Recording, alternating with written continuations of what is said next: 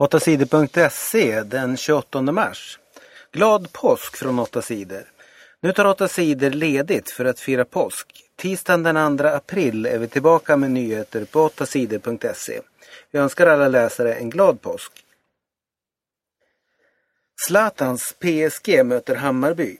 Zlatan och hans franska lag PSG spelar fotboll i Stockholm i sommar.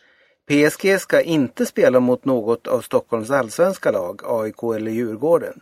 PSG spelar istället mot superettalaget Hammarby. Matchen spelas på Tele2 Arena den 23 juli.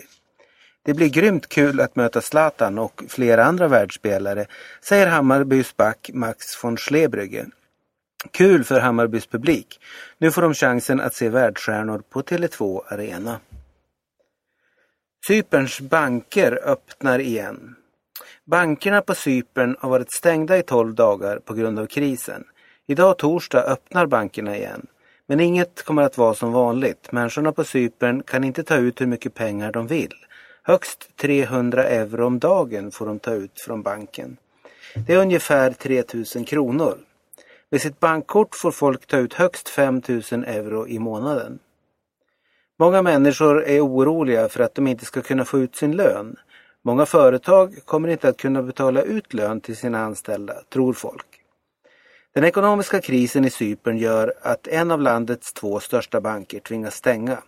Pengarna från banken som stängs ska föras över till den andra storbanken, Bank of Cyprus. EU ska hjälpa Cypern med ett nödlån på 10 miljarder euro. Många experter tror att Cypern kommer att behöva mer hjälp från EU. Lärare straffas inte för knuff. En lärare i Sollentuna knuffade omkull en elev som störde vid en fotbollsmatch. Skolinspektionen ville att läraren skulle få en varning för det han hade gjort. Nu har lärarnas ansvarsnämnd avgjort saken. Läraren får ingen varning. Nämnden tycker att läraren gjorde fel som knuffade omkull eleven, men felet var inte allvarligt. Därför slipper läraren straff.